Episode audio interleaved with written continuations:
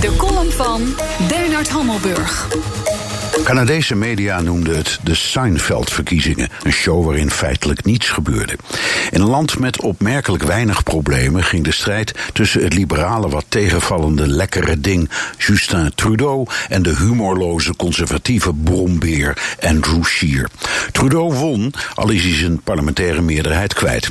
Vier jaar geleden werd de jonge outsider Trudeau binnengehaald als een soort verlosser, als het Canadese equivalent van Obama en Macron. En net als Obama en Macron viel hij plat op zijn gelaat. Want charisma is leuk, maar het op één na grootste land ter wereld regeren red je niet met een paar beloftes, een aantrekkelijk koppie en een hip gezin. Er kwamen schandalen. De aankoop van een omstreden oliepijpleiding, het uit de wind houden van een corrupt bouwbedrijf en een tenen krommende vertoning in India, waar Trudeau en zijn gezin zich in peperdure Indiase kleding heesen en vroom de handen vrouwden. Dat soort blunders en hypocrisie daar lusten de oppositie en media wel soep van. Het meest recente schandaal: oude foto's van een jonge Trudeau met een zwart geschminkt gezicht.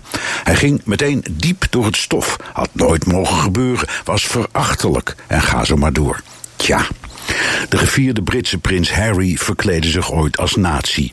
In mijn jeugd hadden we het versje Tien kleine nikkertjes. En voor de wat jongere luisteraars, jullie weten het misschien niet meer, maar vroeger hadden we in Nederland Zwarte Piet.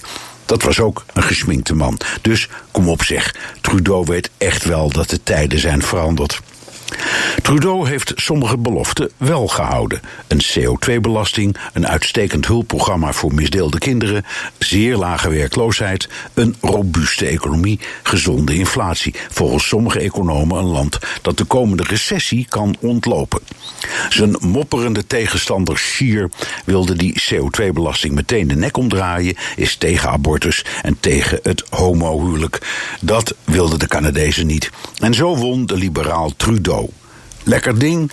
Moi, zag je de Canadezen denken. Maar beter dan die brombeer uit de middeleeuwen.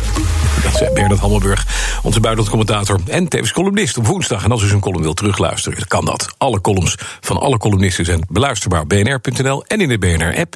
En dan vindt u ook alle prachtige podcasts, zoals vandaag de nieuwe Petrolheads, nummer 99.